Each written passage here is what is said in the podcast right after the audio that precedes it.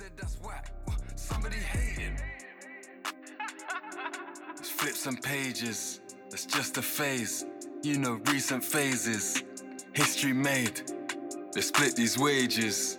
It's okay. It's Gigs and David. Geeks and Dave, Geeks and David, Straight Murder. Хеј, хеј, хеј, хеј, хеј. Добре дојдовте во шестото издание на Пандамониум радио шоу. Се загреавме со две траки директно од Британија. Малце потврд звук за старт. Јас сум Мајрис Креч, вашиот домакин. До мене е Трајче Екейт Activity. Здраво Трајче. Добро вечер екипо, здраво Дарко. Даре, имаме одлична емисија спремено за денес.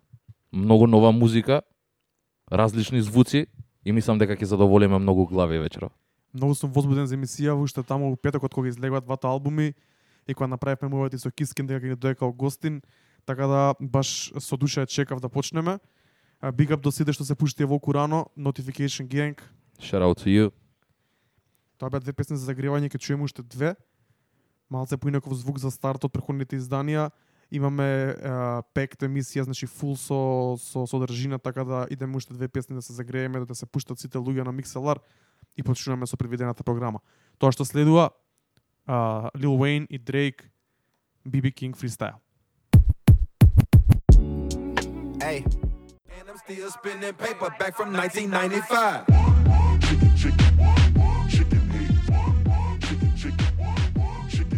1995, Juicy J и Logic.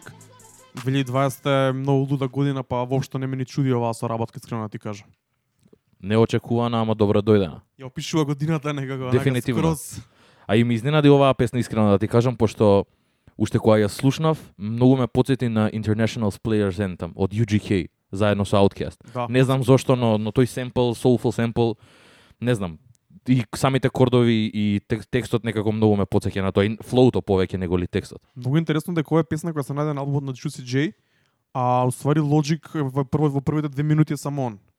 Тоа е многу интересно, а после Juicy J кога влага дава тотално друг твист и свој шмек на песната. Не знам, не мислам дека тоа повеќе е некој артистичка е, ете, не знам одлука од страна на Juicy J за за да го направи ова. Одлично, оваа недела ја слушнав едно 20-30 пати сигурно накад на репит. Многу Јап. добра песна, интересен спот. Вреди да ја дзирнете Juicy J и Logic невообичаено комбо. Се загреавме со 4 песни и имаме многу ствари за денеска, така да почнуваме со предвидената програма. За да се дозагреем убаво и да испрезентираме листата која ја спреми Нина кај нас на Spotify и на YouTube. Pandemonium Guest Selection број 2. Е Big up до uh, Нарли Нина. Шараут Нина. Имаше многу добра селекција, доста поразлична од таа на Кире, не знам дали стигна да ја преслушаш. Се уште не, ама ги разгледав трагеди. Да, дефинитивно е многу поразлична него ли таа на Кире. Има многу понови ствари, но ми се свија. Сакам да сакам сакам да ја одделам внимание и да ја слушнам убаво. Ќе почнеме со две песни од неа како што испочнува самата плейлиста. Првата е Jeremiah и T.Y. Dollar Sign со песната The Light и следува на песната Compensating од Amine Young Tag. Па после нив ќе позборуваме малце повеќе за нашиот концепт позади Pandemonium Guest List и, за, и конкретно за оваа плейлиста на Нина. Уживајте. I fucked up once and I got you bent. It's hard to admit that I made my bed, but you know I'ma always wish you the best. Compensating uh, Amine Young Tag слушаме песни од втората Pandemonium Guest селекција. Овој пат од Нина, уште една Big Up Нина. Uh, интересна плейлиста, доста поразлична од претходната и тоа е и целта да промовираме што повеќе различни вкусови и стилови на оваа плейлиста. И различни мудови. Се разбира, а, ќе прочитам на кратко што што кажа Нина како се опиша оваа плейлиста. Ова е селекција од песни кои ги слушам многу во последно време, за кои мислам дека ќе бидат супер да се слушнат на журка после замину, заминувањето на пандемија. Со надимак The Post Pandemic Aesthetic, селекцијава ја слушам кога ќе ми треба pick me up од секојдневието и рутината која морам да ја почитувам. Има микс од познати и underground песни и артисти кои посвесно се подредени како што би течел една журка.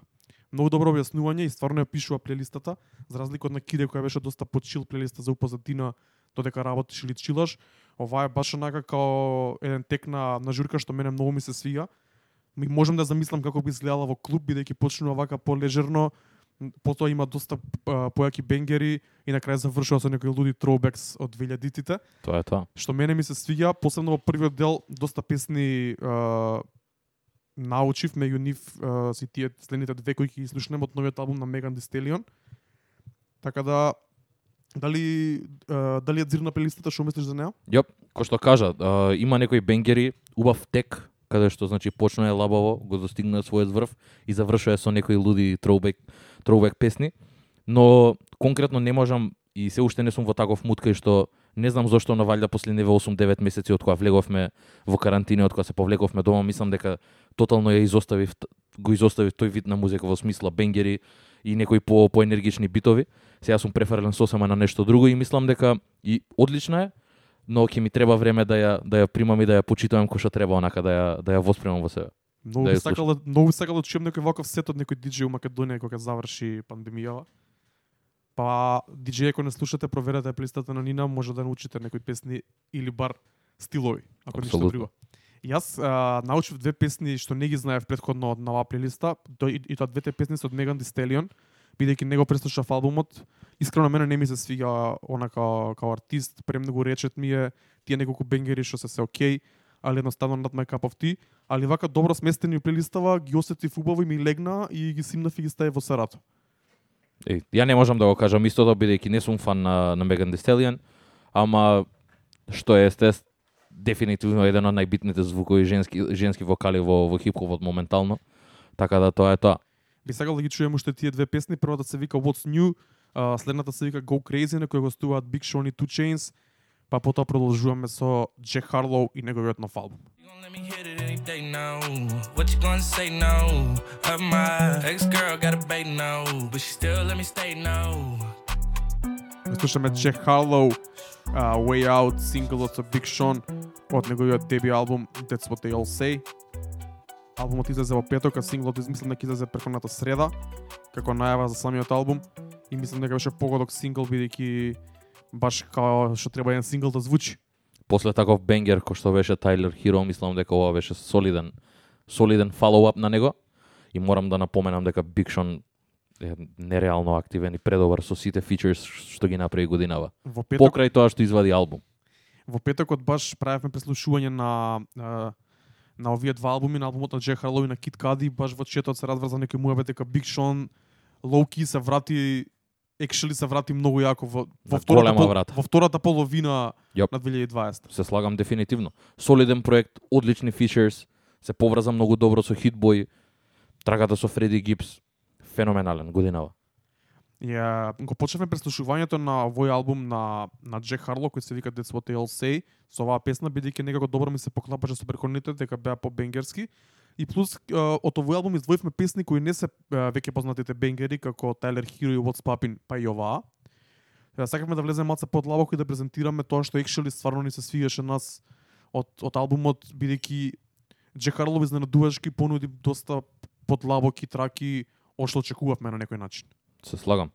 Работата е што иако иако тој овие тематики ги обработува и во претходните во претходните негови проекти, мислам дека ова е прв и бидејќи е комершал дебют, тој има проекти позади него, значи има микстейпови кои што датираат и уште од 2017, тој е активен и тој е, е овде на сцената, но работата е дека после таков хит кој што, што беше What's Poppin', мислам дека на 2020 беше негова година и албумот кој што го извади не беше очекуван. Сите мислевме дека ќе извади бенгер after, after бенгер, никој не го очекуваше ова, но тој си остана на своето, си остана на тоа интроспективното и ретроспективното. Има текстови каде што длабоко копа во себе, избори за тие и, и за фейм, и за пари, и за се тоа што му се случило годинава, од кога искочила What's Poppin' и што и што тоа све значи за него. И мислам дека е одличен, одличен и солиден проект кој што ќе го зациментира за, за многу понатака. се слагам и за, и за мене истото важи. Мислам дека ја заокружи годината баш како што требаше, со оглед на сите хитови што ги имаше претходно. И ми изненади позитивно бидејќи очекував јас некоја колекција на бенгери. Ова беше многу додобивме доста повеќе од тоа што го очекувавме. Јап. А, Албумот има 15 песни, од кои бенгерите се тука 3-4, значи What's Poppin' двете верзии, Tyler Hero, од другите 12 песни, да речеме пола-пола се на некој начин дип песни, другите се исто да полубенгери. Deep така да одличен, одличен, одлична комбинација. Добро е дека има неколку песни кои се поврзани меѓу себе директно или индиректно. Како part 1 и part 2 ќе, ќе ги слушнеме и што станува збор. Ќе Дефинитивно. почнеме со првата песна на албумот која е интро, која се вика Рандеву и веднаш потоа следува Face of My City еден трап бенгер некој му гостува Lil Baby. Па ќе влеземе после пак ќе збориме за него. Уживајте во Джек Харлоу, а, првата трака од неговиот албум What They'll Say, Рандеву. On the face of my city, co-signed by Diddy. Hard liquor, I'm shitty. Hotel, some biddy.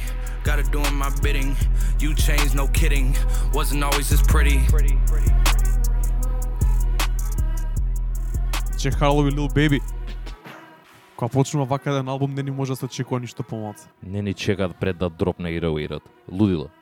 Тоа ми е многу добро за овој албум што се однесува истото и на другите проекти на Джек Харлоу, што песните се многу кратки и често има поврзаност помеѓу две песни или три песни на самиот проект. Што го прави албумот да е многу easy listen. Да, дефинитивно за албум кој што иако е 15 траки, кој цело време е поврзан и продукцијата е многу поразлична, значи и кој што видовме од интрото многу скока на многу поинаков вајб во втората. Мене ми е одлично и стварно е стварно е easy listen и мислам дека и тоа го прави во претходните негови проекти. Да се навратиме на на на првиот две траки, што имаш ти да кажеш за за нив? Рандеву е одлично отварање, а, кажува многу работи што треба да се кажат, а вторава само онака ти те удира едноставно и викаш ајде да чуем што е следно. Јап. Дефинитивно, ја би рекол дека интрото е многу одлична, буквално интродукција, иако Да. е self-explanatory, бидејќи интро, но и го воспоставува целиот муд на, на албумот. Точно. Со тоа што кажу, кажува се тоа што му се случило преку годинава, промените низ кои што поминува и морам да морам да напоменам баш тоа сега го зборевме, о, бевме офлайн дека мене многу ме потсеќа на еден многу извонреден микс на Mac Miller Before Macadelic и Drake. Не знам зашто, но не, и не е тоа критика. Едноставно, не знам, мене многу ми изненади и влечам паралели дефинитивно со Drake и низ целиот албум, но конкретно рандеву ми остана еден таков печаток кај што прави многу одличен микс помеѓу Mac Miller и Drake. Тоа ти беше интересна забелешка кога ми ја кажа преска ме замисли малце, ама кога ми ја објасни малце подобро сватив на што мислиш. А иначе big up до сите што беа во петокот на listening сесијата тука на Mixlr, Се разврза мојот мојот во четот дека потсеќа на Mac Miller во тој некој период околу Макаделик. Јап. Па ја би рекол дури пред, бидејќи Мака- Мекаделик беше за Мек еден многу лош период каде што Мекаделик беше потикнат од многу подруго место, за разлика од Джек Харлоу кај што ете, ја би рекол дека не е толку притиснат од Мислам дека луѓето многу добро ќе го прифатат овој албум, тоа мислам. Да, да, да, се слагам, ама мојот беше дека потсеќа да не, некои моменти на Mac Miller и се слагам со тоа и можам да најдам да најдам сличности, но Джек Харлоу си има тотално посебен посебен стил и некако си има свој вајб што го прави уникатен, го прави доста уникатен, бидејќи во моментов нема ни еден артист како него на сцената. Нема. Се слагам и иако иако сега сме буквално две песни во албумот, ќе напоменам дека не знам, во исчекување сум што тоа кај кај ќе го носи креативниот дел во следниот албум. Многу ми интересира кај многу ќе замине. интересно кој, кој пат на кариерата ќе го фати, баш и за ова зборевме во петокот, така Јоп. да следна сесија обавезно да доеш, знам дека имаш многу работа. А, ај најави ни ги следните две песни која се као комбинација, иако се доста различни звучно, тематски некако имаат имаат поврзаност и тоа што се една по друга. А, прави една целина, тоа се песните Keep It Light и Cream. Еј, Хери Фрод продукција, брат. Ја бев многу изненаден бидејќи на почет обично Хери Фрод а, та, својот так го става на почетокот. И кога го кога го слушав, буквално го слушав за прв пат го слушнав са Бајлево, бидејќи имав а, бев зафатен, слушав некои други работи и са Бајлево го слушнав за прв пат во целост онака front to back и кога се кога се пушти Keep It Light онака буквално си реков и кога битов подсеќа на некој и после на средина кога ми влезе тој тој таг онака како све ми беше јасно, све ми стана јасно за, за што станува збор. Одлична, иако многу едноставна продукција би рекол, значи soulful production, sam- sample based, кој што знае Хери Фрод, но Джек Харло си го прави своето и многу сум изненаден што Джек Харло и артист и посебно на commercial debut, значи албум кој што сите буквално ќе го гледаат, одбира да да прави песна со Хери Фрод. Да, и неговата бит селекција е многу интересна бидејќи многу разновидна. И дури повеќе би, би рекол дека влече на кај некој бумбап, на кај некој хип-хоп, отколку на кај трап. Јап, и тоа ми се свиѓа. И Цела мене- 2020 е таква полна со такви албуми и не знам, позитивно сум изненаден од тоа и сакам тоа да продолжи. Ќе ги слушнеме Keep It Light и Cream, иначе и мене при првите слушања тие две ми влегоа нај, најбрзо во уво и баш како комбинација од двете, затоа ги пуштам една по друга. Слушнете ги, уживајте. Пандамониум радио шоу број 6. Слушаме добра музика. Слушате го само битов како вози. Партали. Джек Keep it light. Уживајте.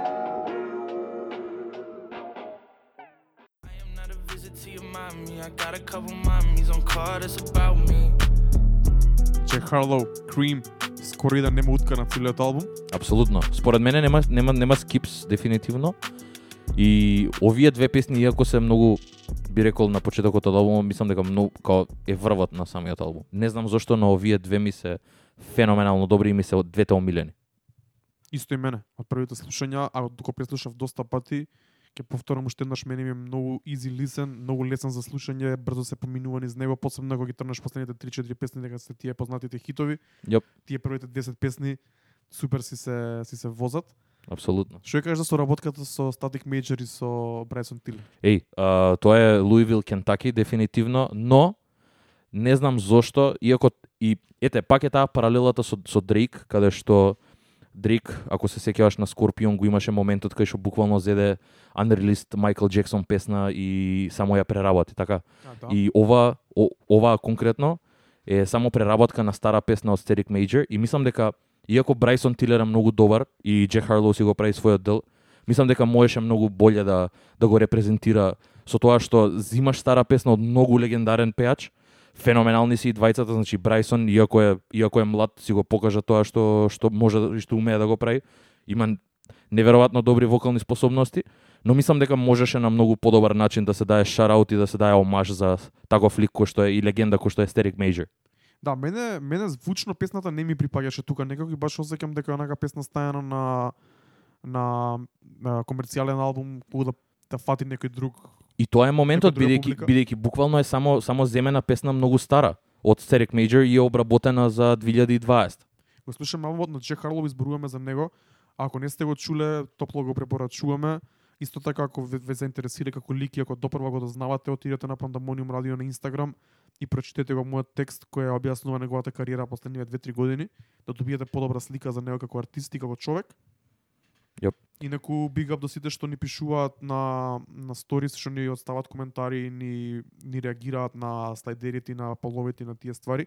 Сакам да прочитам неколку респонси конкретно за овој албум, според слайдерот за оценка, ова е нека оценка осмица, би рекол, што е сосема Јоп. окей. Big up до сите што гласа. Да. И сакам да прочитам некои коментари чисто да добиеме представа што им се свига на луѓето кои не следат. Big up Мана. Мана ни пиша Fire All Around, една-две weak траки и малце репетитив продукција. За продукцијата не се слагам, за друго се слагам баш така како што мислам Да, јас. баш овој проект мислам дека не е толку репетитивен, но не знам, можеби од од е, поглед на вајб или од поглед на му, можеби му била репетитивна, но прилично е версатилна ако ме прашаш мене. Никола Цветковски ни пиша многу солиден албум, но во иднина не би го имал постојано во ротација бидејќи ми нема некоја тежина. Се слагам, јас повеќе го гледам како добро добар негов проект, ќе го слушам сега периодов овој месец дена. Веќе неколку песни распредели во Сарато, така да ќе ги имам спремни за пуштање музика, за на радио, за миксови. Повеќе во таа насока го гледам отколку дека би го утепал од слушање понатам. Бидејќи ќе ми досади сигурно кај да е. Да, се слагам, не е таков албум кој што ќе има кој знае каков longevity, но мислам дека е добар као бастион каде што Джехарло се покажува кој што е и што може да направи и затоа велам е одличен одличен степап од се тоа што го има направено и многу ме интересира креативно каде ќе затера со следното, бидејќи стварно е мега звезда и доколку продолжи со ова, дали ќе почне да експериментира со звуци, дали ќе почне нешто сосема друго да прави, бидејќи има некакви индикации за тоа и не знам, стварно се надевам дека ќе изводи уште толку подобар следен проект и мислам дека може тоа да го направи лесно, во зависност и што тој тоа Што сака го да целта, да. Јап, што сака да постигне со неговата кариера. Big up до Арето кој не поддржува и не шерува цело време. Е, пишал, овој белец е добар, извади свој звук у музиката. Се слагам, звукот е баш карактеристичен за него. Па и да и не. Ја би рекол пак, ете, не, не знам зашо, ама тие паралели и баш баш тоа ти го пишав и преска. Не, има има некои моменти ептен што ме потсеќаат на Дрейк на 2015-2016 Дрейк кај што и именувањето на песните ми се апла онака како Дрейк. не- Ете, имам некои други забелешки. Не знам ш, зашто пробува да го над, да го надпее Крис Браун на песната. Не знам дали запримети, но во првиот дел тој пее, не пее Крис Браун. И тој тоа ми беше многу чуден момент каде што каде што Джек Харлоу почна ептен да пее и да влага во да влага во R&B води. Е, да. Може тоа малце ми беше оф-путинг онака, но дефинитивно, пак ќе кажам, ова е одличен commercial debut и сакам само да чуам повеќе од него. Тоа е тоа, ќе прочитам уште два коментари. Андреевска, uh, Harlow outdid himself, hit after hit и многу добри features, се сложуваме со тоа, веќе зборевме. Факт. И последниот коментар на Китановски, предобро, флоу погодено на секоја песна, разновидност 100 од 100. Тоа е факт. Дефинитивно една ед, еден од најголемите кв- квалитети што ги има Джек Харлоу е неговиот деливери, брат. Безпрекорен. Тоа е тоа, ќе слушнеме уште една песна, можеби најчудната соработка на која песната Same Guy на која гостува Адам Левин. Со ова ќе го завршиме преслушувањето на овој албум. Uh, уживајте во последната песна од Джек Харлоу од неговиот албум и продолжуваме после со Кит Кади. Hear me now, hey, this time I'm ready for it. Despite this war in me, despite this war in me, me, me. I've been here before, hey, hey, I've been here before. Кит Кади. Me, me. Песната која го отвара а, третото продолжение на Man on the Moon, кој сега The, The Chosen. Мислам дека има одличен старт во комбинација со, со самото интро кое се вика Beautiful Trip. Му дава баш добар а, старт на албумот. Трече го преслуша албумов? Јоп. Го слушав и Дурго пушта се во петокот. И кој што кажа, два два албуми преслушуваме денес. Интрата се одлични на двата. Ова е мислам дека одличен старт за Кит Кади и за целиот мут кој што го носи албумот од почеток до крај, бидејќи самиот по себе е концептуален. Се дели ако не се лажам нели на 4 дела, така што или 3, На 4. 4. А, со тоа што ете секој секој за себе си има некоја приказна и ова е ова е, мислам дека и одличен иако иако е од Act 1 делува како одлично интро за за целиот проект.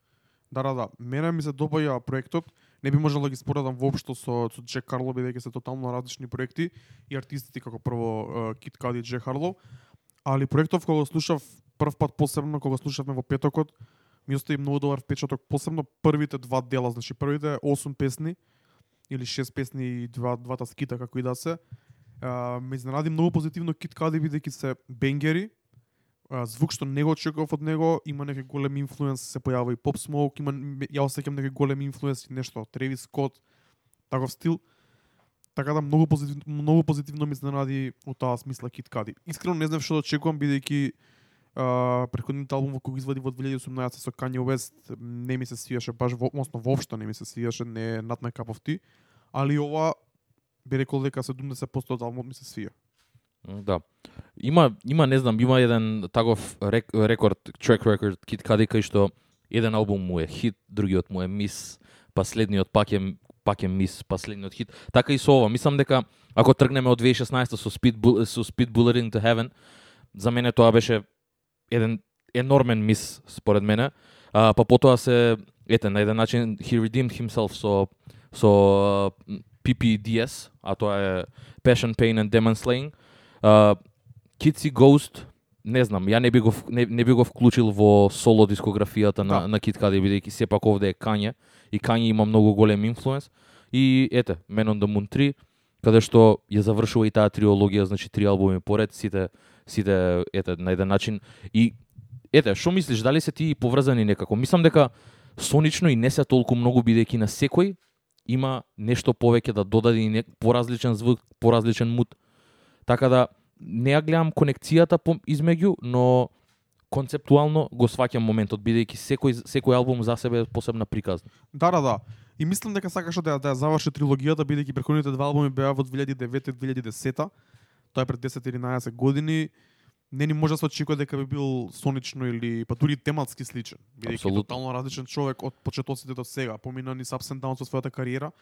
И мислам дека е добар начин да, да, да ја затвори трилогијата и очигледно да постави некој друг стандард за, сам себе кој што би сакал да го видам понатаму. Би сакал да го видам повеќе на клубски бенгери. Знаеме Јап. како се снајде на бенгерите со Тревис Скот, каде да гостува периодов се снаоѓа одлично и мислам дека му лежи, му лежи вака малце потврд звук, као што Мислам дека сега. И мислам дека го има утврдено тоа, биде и сам си го има потврдено бидејќи свесен е за тоа и го користи, затоа и албумот. Бидејќи ако гледаме и пред, од предходните изданија, значи повеќе тој дивираше кон електронска музика и кон некои такви семплови. Така да ова е ова е голем скок во неговата во- не знам, во соничноста на самиот албум и во звукот. И да, дефинитивно има некои чудни чудни навидум, инаку функционираат според мене, но мислам дека овде имаат голем удел и самите продуценти, бидејќи во целост овој албум е продуциран од the Genius, така што мислам голем дел од, продуци... од продукцијата и припаѓа нему, така што и тој си има погрижено за многу за звукот на целиот овој албум. Ке чуеме две песни кои се многу јаки бенгери кои многу позитивно ми изненадија. Првата се вика She Knows This, а, на која има и многу интересен бит свич на полна половина. А, очекувајте го тоа. И втората се вика Show Out а, во соработка со Skepta и со Pop Smoke, Kid Cudi на Drill Beat. Ајде да чуеме, па ќе позборуваме малце покасно за тоа. Уживајте. Roll up. Roll up. We're supreme, see what I mean. Show up, show up. See us pull up, pull up. Back out, pull up. Kid Cudi, Skepta, Pop Smoke, Show Out. Кој би рекол 2020 shit, Kid Cudi на Drill Beat. Лудо. Лудо. Ја уште кога ги слушнав, мислам дека искочи ако не се лажам и имаше некаков снипет од самата песна. Многу ме зачуди. На лист ми изгледаше многу чудно, не знаев како би звучило ова. И кога го слушнав снипетот, сватев дека е дрил бит онака. И си реков што поѓа волите, искрено тоа ми беше првата реакција, но позитивно сум изненаден. Исто јас, песната Викендов постојано во ротација, ја ставив да биде број 1 на Пандамониум топ 10 листата, која ќе отидеме утре. А, тука завршивме со двете песни кои ги избравме кои се како по бенгери од овој албум. Ќе слушнеме две малце по подлабоки песни од Kid Cudi. Таа што таа што следува е Мистер Соло Доло 3, значи третото продолжение на негова негова позната песна. И епилогот на целата триологија. Мене искрено ми се допаѓа. Ме потсеќа помалце на претходните, ме не баш толку многу. Па може би мислам дека тоа и и она причински направено бидејќи сепак е некакво продолжение на претходните. Рачуне дека ете збориме за албуми кои што се 12 години стари, така да мо- може би сонично звучи ете. Не знам и нему му звучала сонично и сакал да ја стави бидејќи и да го заврши албумот и да ја заврши триологијата на самата песна. Точно. На Инстаграм добивме малце повисока оцена од а, таа за Джек Харлоу. Не би сакале да ги споредуваме албумите бидејќи се тотално различни. Имаме некои интересни коментари. А, Мана ни пиша a Grower 100%. А, Бурчаска ни пиша предобар албум, каверот е преак. Се сложувам. А, исто после се надополни Кади автентичен, има свој препознатлив стил. Не очекував ништо помалце. Слагам. точно. Факт. Мислам се е тоа. Кико ни пише дека најверојатно Мистер Соло Доло е топ 5 песна од Кади all time. Супер ако ти се свига толку. Ја ја ја ви рекол дека имам боле пет Да, да, Кит Кади сигурно песни, ама мислам дека тоа е и не знам. ги, читам коментарите и Никола Цветковски ни пише се уште го немам убаво преслушано, но тоа што го слушнав од првиот дел ептен ми се свигаше. Првиот дел и мене многу ми се свига поише. А, ќе му давам шанса и на, односно првиот и вториот, ќе му давам шанса и на третиот дел, но мислам дека не не е нешто што би ми се стигало мене. Знаејќи се каква музика слушам. Рече нешто друго за конкретно за албумов или да ги чуеме овие две песни да Па не знам, мислам дека мислам дека е ете краток период од кога искочи и мислам дека со тек на време и боле ќе легне со тоа што Кит Кади е таков артист, мислам дека стварно треба да си даеш време да го преслушаш и да она на еден начин да порасне албумот со тебе. Точно. Ке слушнеме уште две песни од Cudi, Mr. Solo Dolo 3 и песната For the Kids, која се наоѓа таму при крајот на албумот, ако не се лажам, може би последна. Uh, чујте го и тој албум, па после тоа преоѓаме на МК сцена, имаме доста интересни ствари за МК сцена, најбогата МК сцена рубрика до сега Апсолутно. и многу сме и многу сме срекни поради тоа. Да го завршиме Kid Cudi, уживајте. Пандемониум радио шоу број 6, со Мари Скреч, активите до мене. Бига до сите што не слушате.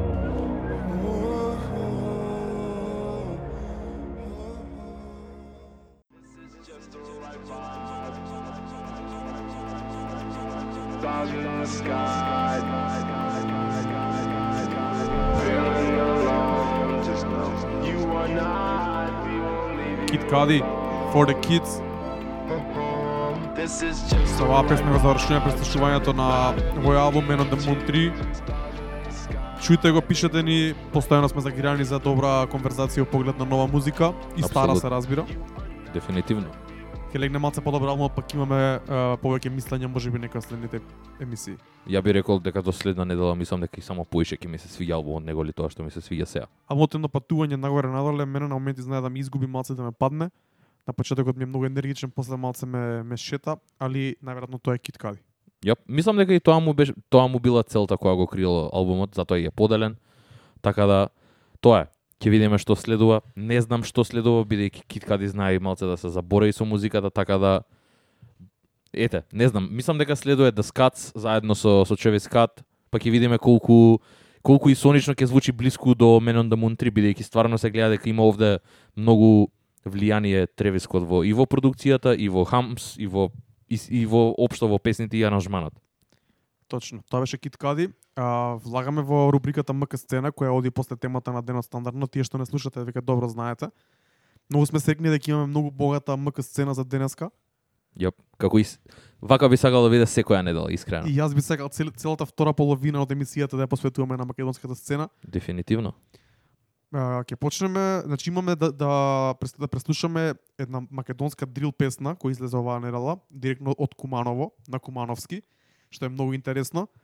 Имаме да чуеме а, три песни од новиот албум кој излезе од Доп куќата, поточно од Јасмин, односно неговото алтер его Елиот Деп.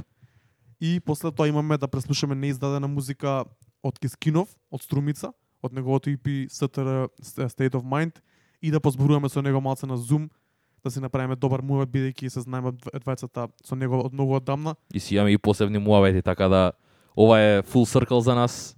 Многу ни е мило што Кискин е овде да го презентира своето ново EP кое што и еден на еден вид најава на- за новиот албум, така да останете тоа да не зборуваме премногу сега, дури тој не се вклучи. Со Кискин ќе збориме малце по Имаме интересни ствари во рубриката МК сцена. За тие што не слушате прв пат, МК сцена е рубрика во која третираме македонска музика, најчесто излезена таа недела или тој период, овој период.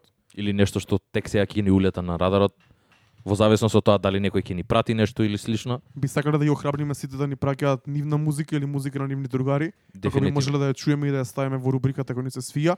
Таков пример е и оваа следна песна која следува. Песната е од Double G Mafia од Куманово. Дрил песна која се вика Тестит. Многу интересно, big up до Hertz, со кој комуницирам полого време, има пишан од поодамна. Ми прати неколку песни, тие тоаш баш нема нема кај да ги вметнам, никако не ми не ми одговара, али око ми го пратише пред две недели ми фатио и баш ми е онака баш ми е на некој начин симпатично ќе речам. Дрил на Кумановски. Многу интересно. Многу сакам да го, да го чуете, да ми да пишете искрено што ви се свига и како ви се свига. И некој сакам да кажам една една забелешка кратка. Мислам дека дрил музиката многу добро одговара на македонскиот јазик. Се сеќаваш еднаш и кога направивме една дискусија на Facebook, кога Таско направи дрил песна, истиот тој ден Тројче Дим направи. Јап. Мене некако македонскиот јазик ми одговара за дрил, дека е потврд, поттежок, баш заради тоа што не одговара толку многу за трап, бидејќи не е мелодичен, баш за дрил некако ми одговара. Не, да, ти ја сваќам поентата. Ја, ете, не знам, можда малце сум момекнат веќе на таа тема, ги знаеме коментарите, посебно конкретно Дамилев и Курчо знаат, бидејќи тие беа уклучени во, во целата таа дискусија. Не знам, се уште така се осеќам до некој степен, малце сум умекнат кон тоа. Отворен сум да слушнам некои нови ствари, така да ете, за да се има простор, музиката е универзална, не постои нешто такво кој што човек не може да се инспирира без без разлика за тоа од, од таа од кај потекнува или дали е врзана со некој одредено место, така што да слушнеме, да видиме, па да искоментираме. Да, кратка најава само, екипата се вика Double G Mafia, формирана од Херц и неговиот брат Лил Спиди. почнуваат со работа од 2018 година. Не се премногу активни, имаат неколку песни направено со локални и со некои интернационални артисти со кои имале конекции. Ја извадија сега оваа дрил песна скроз индепендент, имаат снимено спот скроз без буџет, без ништо, само со помош од нивните другари. Така да хаслот е real, big up до нив и до сидеш што да прават музика. Ајде да чуеме песната, пишете ни коментар е, што ви се свија, што не ви се свија кај неа. Идеме со Кумановски дрил тестит.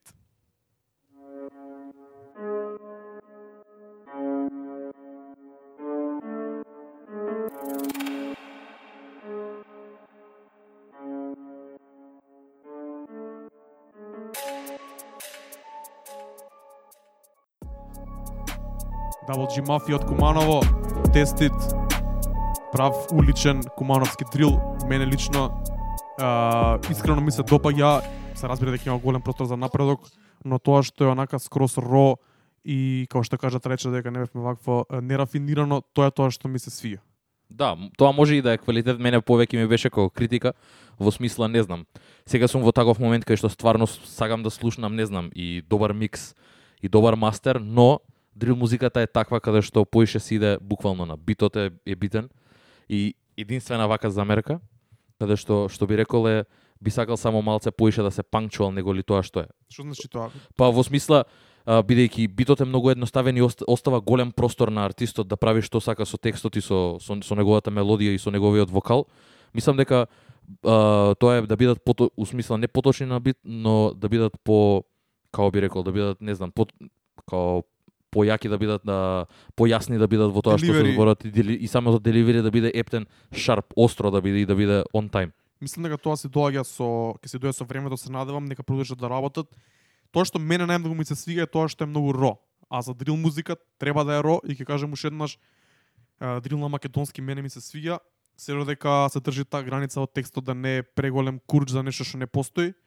Ова баш го осеќам дека е скрос real street ghetto shit. Да, као, као што реков, значи, не знам, музиката е универзална, доаѓа, се додека доаѓа од искрено место, така што е, некому што му се чувствува природно тоа е тоа, никој не може да му го одземе тоа, така да има простор, има простор за ете и, мене да ми се докаже спротивното, иако ете, мож, може би не сум толку отворен на тоа, во смисла сум отворен, но сакам да слушнам повеќе. Мислам дека не е доволно истражена таа сцена и не е доволно креирана на македонски, таква таква музика не е толку креирана на македонски јазик, така што колку повеќе луѓе се или колку повеќе артистите работат на на ова, мислам дека само подобро ќе стане. Се сложувам. Тоа беше тоа, ако ви се свигаше песната, проверете во спотот Double G Mafia Тестит, ќе ви излезе на YouTube. Преминуваме на следното, бидејќи имаме доста за преслушување. Доб куќата се доста активни оваа година. Вадат Епте. проект по проект и тоа ми се свига дека вадат проекти наместо one-off синглови. Јап. А, ги зборевме уште со со првиот албум кој што го извадија, а, сам дома, кој што беше буквално направен во ковид, а, дури бевме сите заклучени дома и кој што, кој што кажа дефинитивно се едни од најактивните, стварно работат и не е дека вадат колку да извадат, туку и работите кои што ги вадат најчесто се концептуални, имаат некоја приказна позади. И мене тоа ми се свиги и тоа ми е огромен квалитет. Таков е и овој албум проект кој го спромовираме сега. Е, овој проект е од, е, из, направен од страна на Елиот Деп, кој уствари алтер егото на Јасмин од Доп куќата и се вика Не јади многу. Три точки. Целиот е концептуален, ќе може да чуете и се заснова на јадење бурек.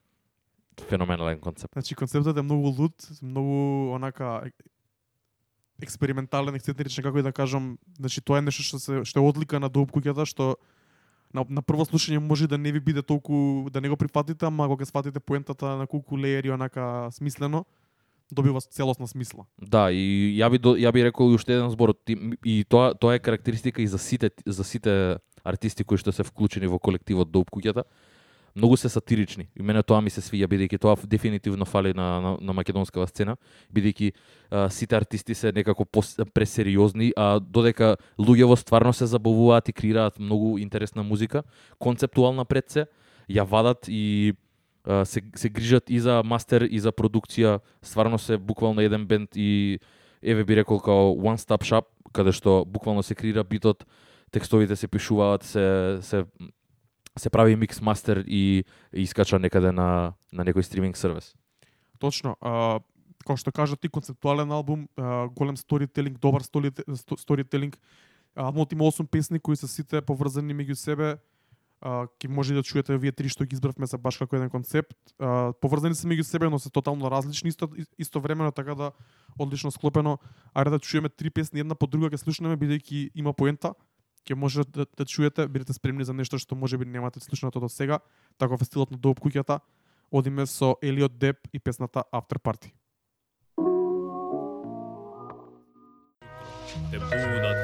Тоа е Елиот Деп. Се надам дека добивте представа за што станува збор во овој албум. Предобра приказна. Интересна приказна за тие што сакаат ваков концепт на, на хип-хоп и на општо на музика. Мене многу ме подсеќа буквално и, и тој и тој епитетиум го имам даено бидејќи стварно ме подсеќаат на на Медлиб, на на Квазиморо, продукцијата ме подсеќа на тоа, сатириката ме подсеќа на MF Doom, не знам, на Flying Lotus И мило ми е што се инспирираат од такви места, конкретно и Мила ми има кажано дека Ептен се Ептен ги слушаат ги слушаат тие артисти конкретно и многу ми е мило дека се активни и стварно дека креираат.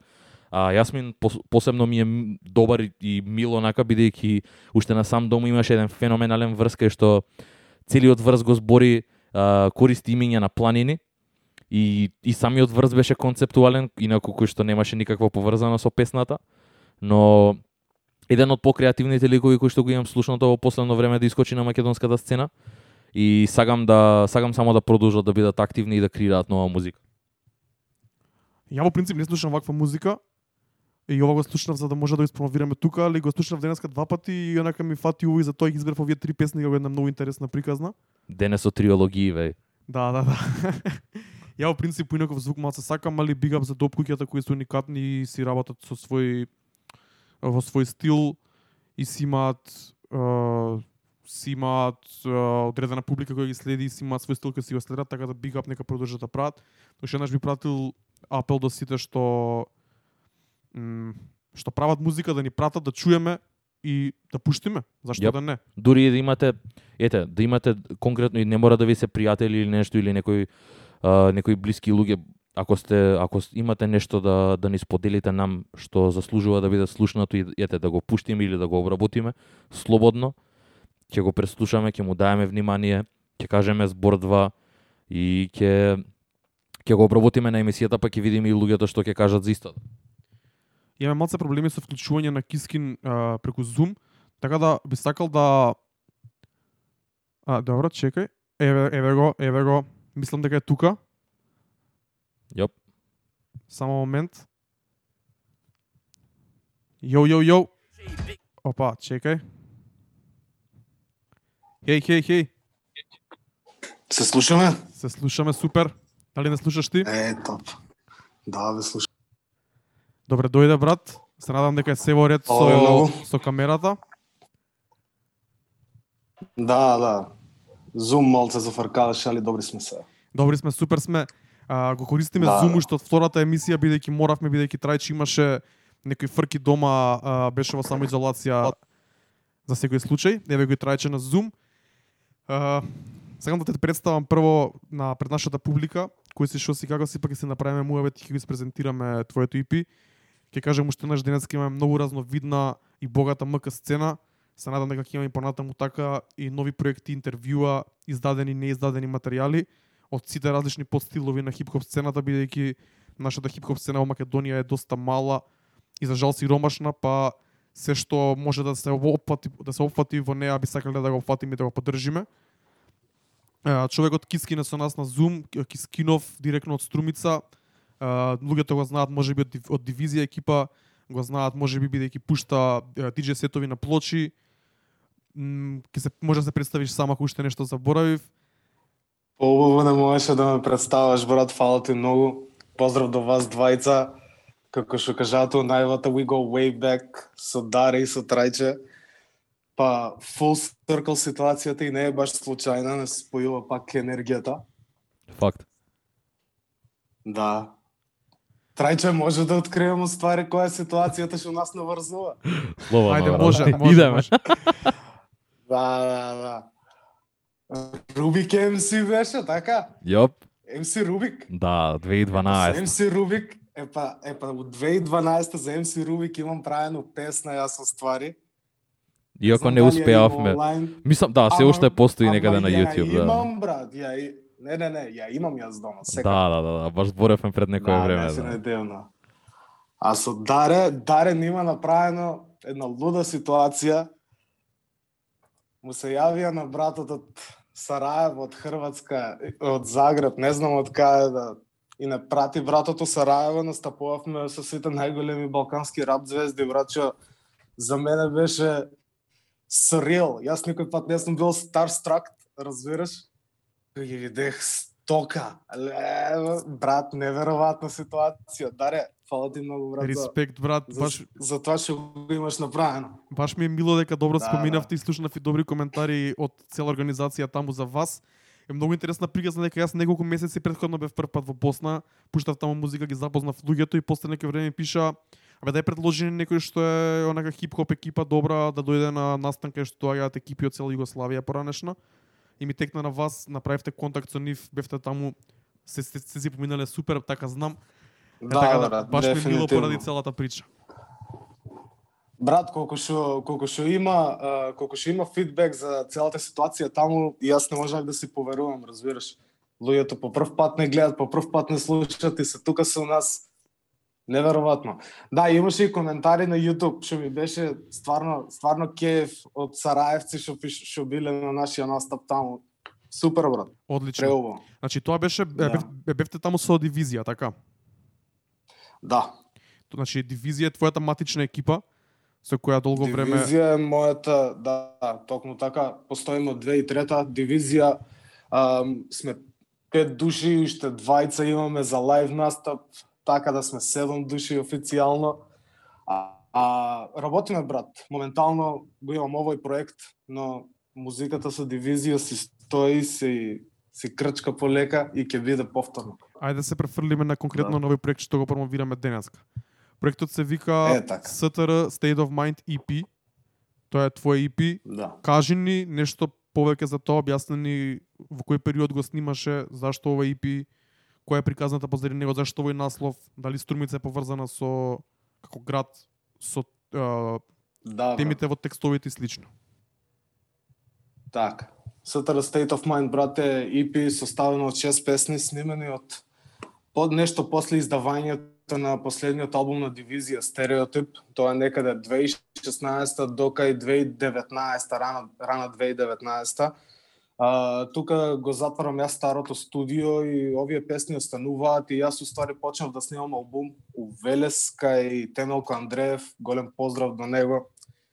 Темелко, брате, уствари клучот сега на мојата музика. Мислам, кликнавме заедно, а, мојата продукција и неговиот и неговиот мастеринг прави некоја убава синергија и функционираме многу добро, така да покрај овој проект имам уште еден албум готов и овој проект е уствари најава за тоа што иде. Затоа и го пуштам бесплатно и на сите стриминг платформи. Ке ми е кеф да биде слушнато, да. Супер, супер, до, добро звучи Трајче.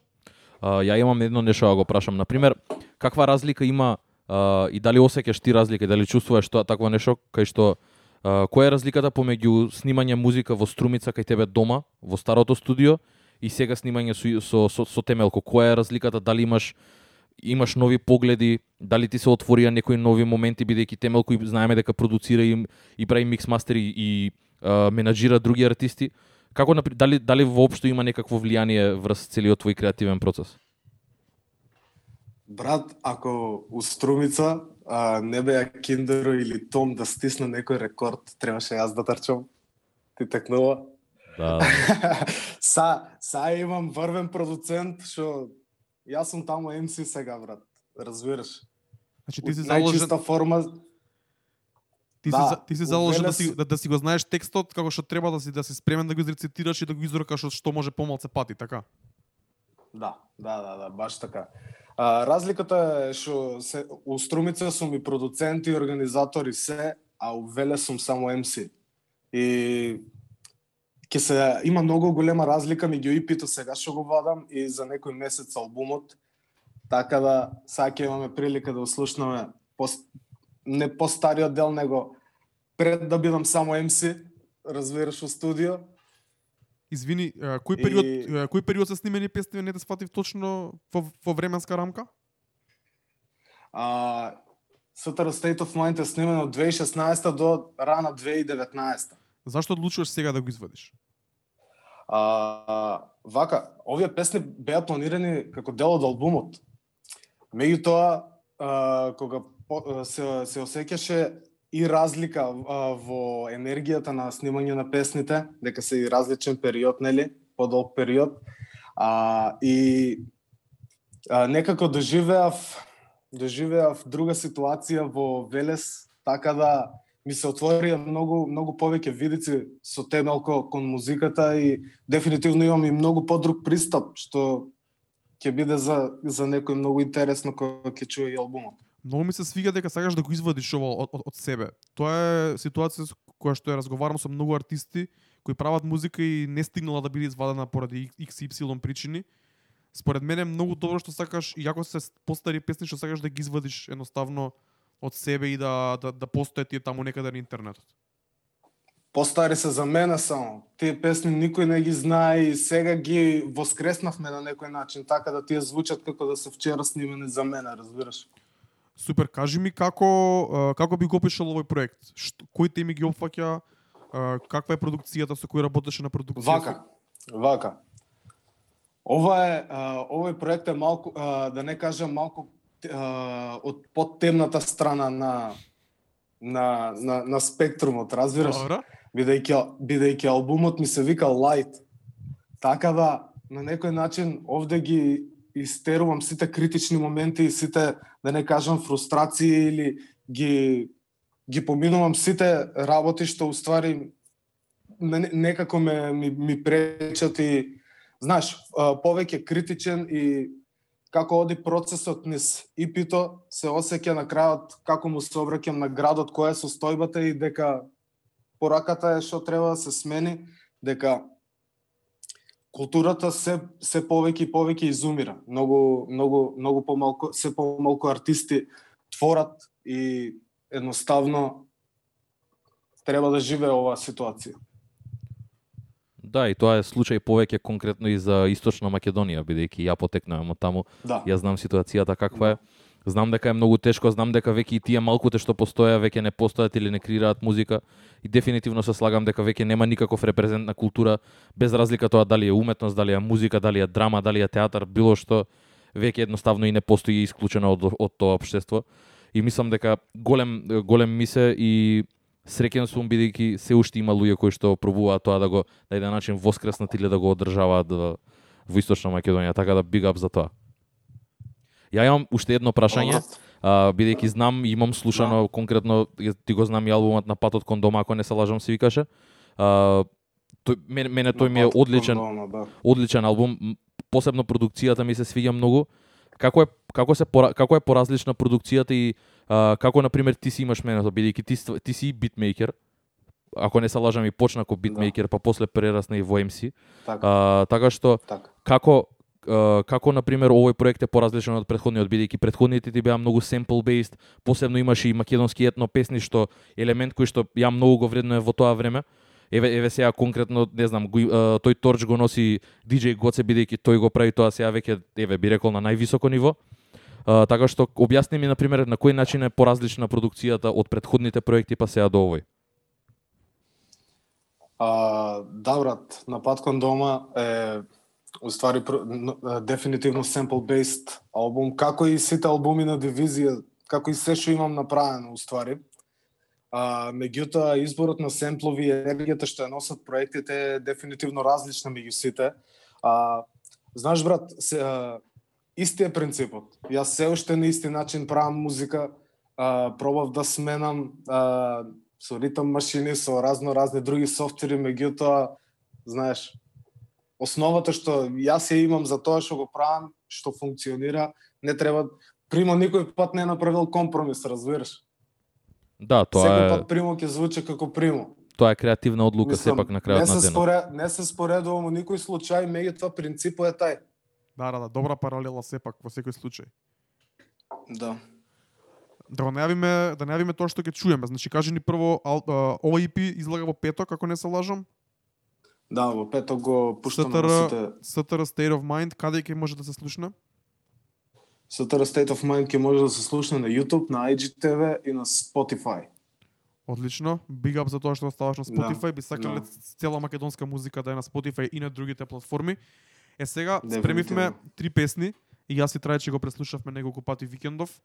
А, ги одвоивме песните на Мета, Филтер и СТР State of Mind. Кажи нешто повеќе една по една. А, на Мета и Филтер а, имаш гостување од Джак, така? Кажи нешто повеќе за Па песните, на, на, на, мета и на кратко. филтер е уствари гостин Джака. Кажи ни нешто повеќе. Не, ќе кажам општо за, за гостите, значи почнавме почнавме околу гостите, значи ги имам дивизија, а, го имам DJ Попај на на мета и го имам да Джака накот на две песни исто така, а Не праша преги за како Джака се најде на овој проект. Уствари, брат, Джака кога е во Македонија, Струмица му е втора, втора дома и многу време минува со нас и кај нас. Така да тие беа времења кога се висеше многу у студио и снимавме неколку песни и тие две се најдоа на овој проект. А, тоа е околу песните, брат. Добро, Е, супер. Ќе ги слушнеме сите три одеднаш, бидејќи за, за да може да се отсети баш како што се како што се наредени на самото EP, Sutter State of Mind е некој начин аутро. А, така да искрено до сега не сме пуштиле ваков ваков звук, конкретно ваков звук на Pandemonium радио. Знаеш дека за мене на моменти ова е и, и премногу рап, бидејќи со- слушам тотално Да, друга дефинитивно. да слушам тотално друга работа, али ми се свиѓа 2020 година, година кога се вратив малце на бумбапот и би сакал во Pandemonium радио да третираме се почнувајќи од дрил, трап, bubblegum, трап, па се до бумбап и слично. Трајче нешто друго за крај? Да, дефинитивно. Па, иако знам дека ги имаме одбрано, пос... фактички тоа се впрочем, ако не се лажам и последните три песни од 6. Uh, да, 4, 5 Да. и 6. Uh, ја морам да ја искоментирам трага број, број 2, тоа е знаеш, знаеш како оде. Баш и преска уште кога тестиравме, зборевме за неа. Ќе оставам на луѓето да еве во петок кога ќе искочи целиот проект да да ја слушнат и зашто станува збор, но мене ми се свиѓа ми се свиѓа тоа што се негува струмишкиот дијалект бидејќи источњашките дијалекти имаат некоја стигма бидејќи се многу многу гру, многу груби или ете така пребрзи. Ова ми е одличен одличен репер за тоа како може една песна да звучи на на дијалект. Има повеќе артисти меѓу кои Курчо е овде меѓу нас, моментално и мислам дека не слуша. Курчо е еден од артистите кој што си рапува на својот на својот дијалект, така да ова е за почет, многу ми се свиѓа и конечно ете да слушнам и некој артист од Источна Македонија да на таков начин да го репрезентира и својот град. Да, брат, знаеш како да уствари единствен, прва и единствена песна струмички што имам снимено. Од нигде, брат, ме пукна, напишах на струмички, брат, цела песна и тука заврши таа енергија, тај джини што дојде ме посете од струмица. Тоа е тоа. Толку, брат. Супер, Би исто. сакал па да, би сакал па да ми се врата да можам на струмички да направам уште. Пошо, пошо кој ги има, кој има слушнато, уствари, му е интересно доста. Истото се случи песната што слушнам од Куманово Тестит беше на Кумановски и Да. баш добро Да. звучи дрил на Кумановски, така да big up до сите артисти што прават музика на својот а, на својот дијалект, и Дијалект. што го ете репрезентираат својот град бидејќи тоа е многу битно. Кај нас ја ја, ја барем Да. сметам дека обележие на град многу фали во македонската музика, така да тоа е Да. одличен репер за мене. Дефинитивно. Тоа е тоа. Кискин, фала ти многу брат за гостувањево. Фала ти што ни даеш шанса да ги пуштиме песните премиерно неиздадени на Pandemonium радио шоу. Фала ви на вас многу, брат. Тука сме за промоција на било каква музика или било што друго од тебе и од твојата екипа, секогаш и не само за вас, него и за цела македонска сцена. Така да слободно спишете ни сконтактирате не да го направиме тоа. Слушаме три песни. Фала уште еднаш. Фала уште еднаш. Поздрав до сите што се уклучија да слушат. Фала ти тебе брат. пресна музика. Sutter State of Mind, другари. Sutter Да. State of Mind, Pandemonium радио шоу. До следниот пат. До Кога ќе следниот го из- кога ќе го издаде и официјалниот албум, така да се надевам дека ќе Така. биде за некој месец од сега. Во некои подобри услови кај што нема да бидеме затворени дома. Фала уште еднаш, Да, да, мора да, да. го изгасам ова за да пушта музиката. Big up и биде ми поздравен. Поздрав, брат. Здрав. Чао. Чао, чао. Чао. Град без култура е обседната куќа Доволно место има за сите State of mind У! Sutter State of Mind. Какво аутро? Јоп, Баш дрско си каза си кажа се што имаше. за на крај. За на крај за аутро на целото EP. Ќе повторим уште еднаш, ако ви се свигаше муабетот и ви се свигаше овој sneak peek од EP-то, во петок излага, заследете го Кискин на социјалните мрежи и очекувате го албумот на YouTube и на Spotify. И тоа да биде предвестник на тоа што следува за неколку месеци понатака. Ќе го чекаме и тоа ќе го испромовираме обавезно на Pandemonium радио. Не ми се верува дека до 11 и 12 Се Дека уште с- сме тука. Ви благодариме Колку- многу за вниманието. колку брзо а, помина некако летна, многу добра содржина имавме денеска. Многу нова музика, многу разновидна музика. МК, МК сцена секцијата беше преполна. Многу ми се свиѓа и разговорот што го направивме. Открив, ете, покривме сосема два различни проекти. Еден, еден е проектот на Кискин, другиот е на Елиот Деп, односно Јасмин. И мислам дека ги покажува и двете екстреми буквално на македонската сцена. Значи го имаме Кискин кој што реално еве и во македонската сцена е некаков и ветеран би, на- би нарекол бидејќи е долго време во играта и ги имаме од другата страна Доуп куќата кои што се млади дечки иако иако имаат години позади тек сега се веќе најактивни и се најзрели некако и ја креираат музиката ја креираат својата најдобра музика би рекол. ќе пратиме апел уште еднаш да ни пратите музика македонска што мислите дека треба да да ја чуеме и да ја пуштиме, со задоволство ќе го направиме тоа. Сакам да кажеме што имаме спремно за следната емисија пред да се од- да се одјавиме, односно за следните две, последните два понеделници од 2020. Правиме ретроспектива на целата година. Ќе влеземе длабоко, јас и Трајче веќе почнавме да ги правиме листите на албуми што сме ги слушале, синглови, интересни моменти, иако немаше толку многу real life моменти ради, ради коронава, али е, интернет моменти, некои такви работи што одбележа годината на некој начин. Сепак културата си ги имаше своите моменти во 2020. Така да тековните работи тука ги завршуваме. Следните две епизоди правиме ретроспектива на 2020. Планирав да направиме втората епизода и ретроспектива на македонската сцена. Ќе видиме како ќе ги спланираме тоа, како ќе ни фати со време, али очекувајте интересни проекти, пишете ни на Инстаграм што мислите дека треба да фатиме, што за вас беше интересно. Ќе направиме таму некои прашања, ќе го ќе го направиме и тоа. Уште еднаш сакам да дам big up до Нина која склопи Pandemonium Guest Selection Part 2. Вториот дел може да го чуете на YouTube и на Spotify. Утре ни излага е, топ 10 листата за оваа недела, исто така на Spotify и на YouTube, така да имате музика за слушање, на тие што им се слуша може да проверат, имаше и македонски проекти кои може да ги чуете и странска музика која промовирам. Тука сме недели до крај. За крај оставивме на многу интересен проект од многу интересен артист кој што ин- инаку планираме да го покриеме многу долго време. Имаме зборено, имаме зборено еве конкретно и со Дмилев, имаме зборено за него. Мене ми е еден од покарактеристичните луѓе кои што ги имам слушнато последниве две години. Тоа се работи за Channel 3. А, артист кој што сосема случајно ми се појави некаде на, на радарот во 2018 година со впрочем и со неговата прва песна која што се вика Controller. А, многу интересен стил на музика, нешто до, до тога што немав слушнато. Ме потсеќа многу на Goldlink, би рекол дека на стар Goldlink со тоа што рапува та, на такви фанки Детройт битови, на Детройт хаус битови. Ап темпо, хаус битови се. Буквално, тоа тоа е дет, ап, апла Детройт хаус битови. Така што многу интересен концепт, многу длабок вокал би рекол. Има ептен deep voice и тоа му е една друга карактеристика.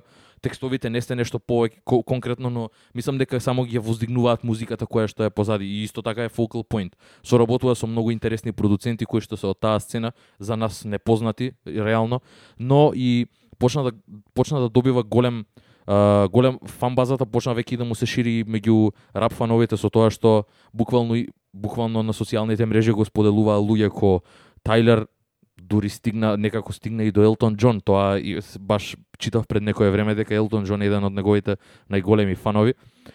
Музиката е многу интересна, тоа што ја што ќе го тоа сега што, што ќе го пуштеме пуштиме е пуштиме неговиот последен проект што го извади буквално пред некој ден кратко EP кое што каде што уште еднаш ги флекса своите буквално и вокални способности, а и неговата продукција карактеристична каде што има неколку една интересна еден интересен фичер, а тоа е Tyler the Creator со тоа што Тайлер кој што, што е артистот моментално, значи после Игор, е многу интересен момент да соработува со еден артист кој што почнал буквално пред две години да креира музика. А, помеѓу другото, Шанел Тре исто така и соработува со JPEG Mafia или со некои такви. Дамилев имаше еден збор за тие ги нарекуваше по, пост-рап артисти. Не знам колку се пострапили не, но сепак имаат многу покарактеристичен звук и буквално на еден начин прават блендинг на два различни стила, на рап и уште на некоја музика која што на многу интересен начин ја ја внесуваат во во рап културата. А, Ја би дал big up до Дамилев тука, бидејќи ја, ја од некого дознав артистот. си ги има си ги има таквите. Интересен спој, ја би рекол и не е само хаус, не, некогаш има и некој West Side Funk во во песните, значи многу интересен, многу Калифорнија звук, а од другата страна значи ги има и оние а, 909-ки што се познати во хаус и во техно музиката. А, не знам, а, конкретно Weedman, Controller, Top Down исто така е феноменална песна која што мене ми вртеше цело лето. Ќе треба да напишеш еден подрадар од текст или ти или Дамилев да се договорите, така? може да се договориме, може и двајцата да го обработиме заедно во некој текст. Така да shout out to Милев. А, не знам Дарко, останува уште да го слушнеме, да, да, да го оставиме за крај, да се одјавиме овде. Да, ќе се одјавиме тука, ќе слушнеме двете песни каде што има гостување на новиот проект. Ќе го пишем сега во чет како се пишува за ако, ако ви се свига да може да го изгуглате. Првата се вика Fuego со Tyler the Creator, втората се вика Take Your Time со Тинаше, па после ќе го оставиме да си отсвири за крај. Мислам дека е многу добар звукот, така да не се гасете, ќе си направите мини журка по дома. Јоп. И ептен, ептен добра музика која што кида во позадина за аутро на вечерава. А благодарност уште еднаш за сите што останавте до крај на ова Пандамониум радио шоу, шесто издание. А, фул со содржина, мислам дека беше многу интересно, се надам дека ви го задржа вниманието. Јас сум Айрис Креч до мене Activity. Тука е Джо, big up до Джо што не сликаше денеска. Овде беше и Алекс, shoutout to Алекс, да не ја заборавиме. Благодарам на сите што останавте со нас до крај, 2 сати и 18 минути, еве веќе броиме. Шараут ту Кискинов, кој што, ни, кој што не дружеше и направивме одлично интервју. Шараут до, до Јасмини Дуб куќата, кој што ни го прати албумот и ни дозволи ете да го обработиме во емисијата. Така да, не знам, одлична емисија, ја би рекол, многу сум задоволен бидејќи стварно имаше многу многу музика и многу што да се збори. Така да до следниот пат кога ќе обработуваме целата година во ретроспектива. Се слушаме на, следно наредниот понеделник, 21 часот mixlr.com slash pandemonium radio, а до тогаш се читаме на Инстаграм. Јоп, Поздрав! поздрав, чао чао.